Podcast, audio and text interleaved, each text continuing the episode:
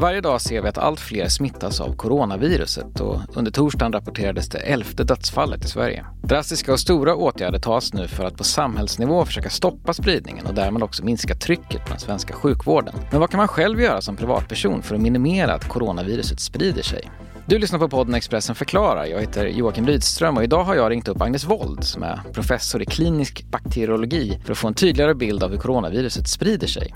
Agnes förklarar att viruset infekterar cellerna i luftvägarna, det vill säga i näsan och luftrören och lungorna. Därifrån tar viruset sig ut i utandningsluften från en infekterad person.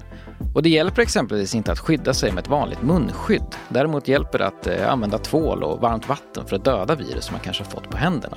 Men Agnes menar att sättet vi enklast kan minimera spridning på faktiskt inte behöver vara så svårt. Ja, det är ju egentligen extremt enkelt. Om man säger att eh, partiklar i utandningsluften, de minskar ju i antal med kvadraten på avståndet. Så ökar det från en halv meters avstånd till en meter så blir det fyra gånger mindre risk eller mindre partiklar där då. Så att det handlar bara om du, om du aldrig var närmare någon människa än en och en halv meter till exempel. Då kan du liksom inte få i dig det här. Det skulle vara om någon människa hostade fruktansvärt hårt precis framför dig. För hostade kan liksom slunga ut de här dropparna med en väldig fart. Så att om man bara håller sig på avstånd. Sen är det ju också så att um, många tänker smitta utomhus, och man pratar folksamlingar, då tänker man sig massa människor står på ett torg och sådär. Men den här smittan sprids ju ja, i princip uteslutande inomhus.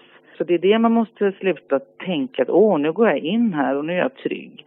För att det är ju människor man blir smittad av. Men hur ska man tänka, alltså du säger man får besök kanske av någon som har varit iväg i, sitt hem så kan ju det påverka förstås. Men hur ska man tänka hemma? Ska man ta extra mycket försiktighetsåtgärder när det kommer till att eh, göra rent ytor eller? Nej, nej, nej, nej, nej.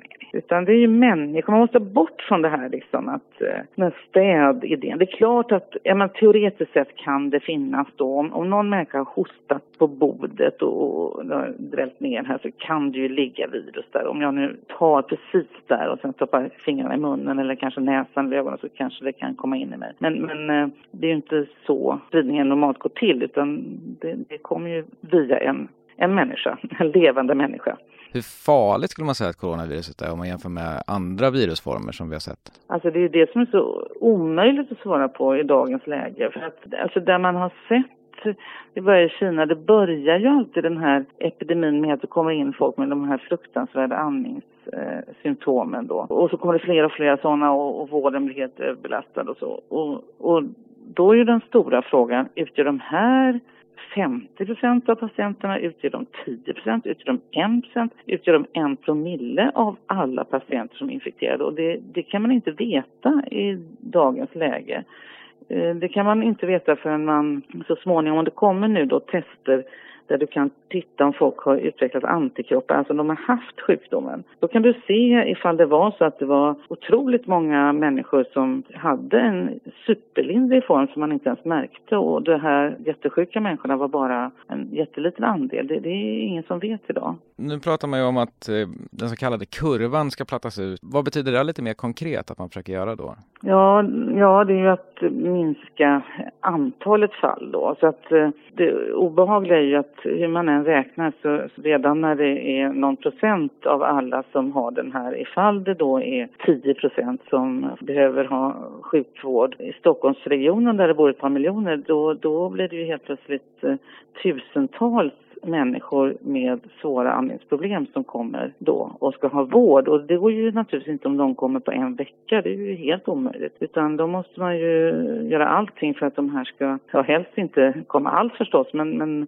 om de ska komma så måste de komma inte så många åt gången då. Och då, det är det man pratar om att platta ut kurvan då, att se till att att eh, man inte får det här inflödet. Och då är det så att man, man vet ju väldigt väl att de som framförallt får väldigt, väldigt svåra symptom, det är ju folk över 70-75 sådär. Och det är därför då man måste se till till varje pris att de inte bli smittad av corona. Det verkar ju som barn kan ha det väldigt lindrigt och så, nästan alltid. Några kan naturligtvis bli sjuka av dem också, men, men eh, kvantitativt så är det väldigt få. Medan däremot eh, en stor andel av de gamla får jättesvåra symptom. Eh, så det är därför man måste skydda dem då. Och, och sen finns det ju andra riskgrupper också förstås, som har kroniska sjukdomar, andningsproblem och sånt där. En fråga som diskuteras flitigt nu är om man ska stänga svenska skolor, precis som många andra länder har gjort. En risk där, som Agnes Wold påpekar, är att mor eller farföräldrar kanske tar över barnpassningen när föräldrar jobbar, vilket kan öka risken för att coronaviruset smittar i det läget och letar sig upp i den äldre riskgruppen.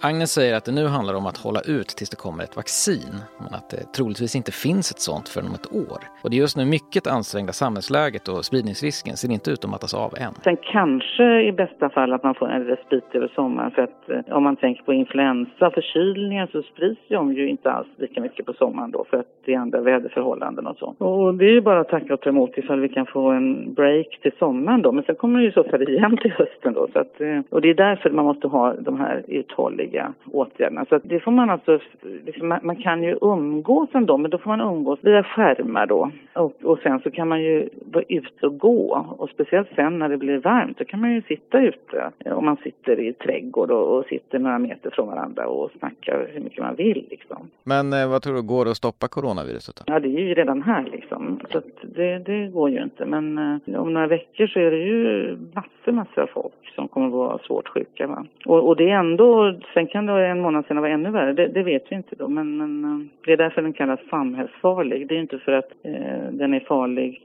framförallt för unga människor utan det, att den slår mot sjukvården då. Det kommer så mycket svårt sjuka människor som måste ha sjukvård liksom. Man måste ju ha det när man inte kan andas. Och då eh, måste man prioritera ner andra saker. Det får man ju naturligtvis absolut inte, ska man inte operera några höftleder och allt det där men, men man kanske också får svårt att hinna operera de som har cancer som borde opereras och, och, eh, och hela tiden kommer det in hjärtinfarkter och, och, alla de här vanliga sjukdomarna som måste tas om hand. Va? Så det är ju den otäcka balansen där då. Du säger att du hoppas på ett vaccin eh, och har sagt att det är ett mål framåt förstås. Men när det kommer, vad, vad händer då? Vad är, det, vad är det vaccinet liksom gör?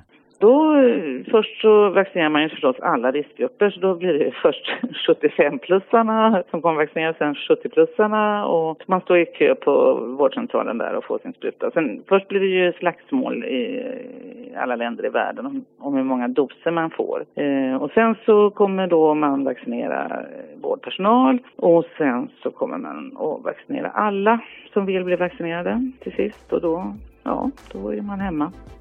Du har lyssnat på podden Expressen förklarar. Ansvarig utgivare är Klas Granström. Du kan följa Expressens fortsatta bevakning av coronaviruset dygnet runt på sajten, i appen och i Expressen TV.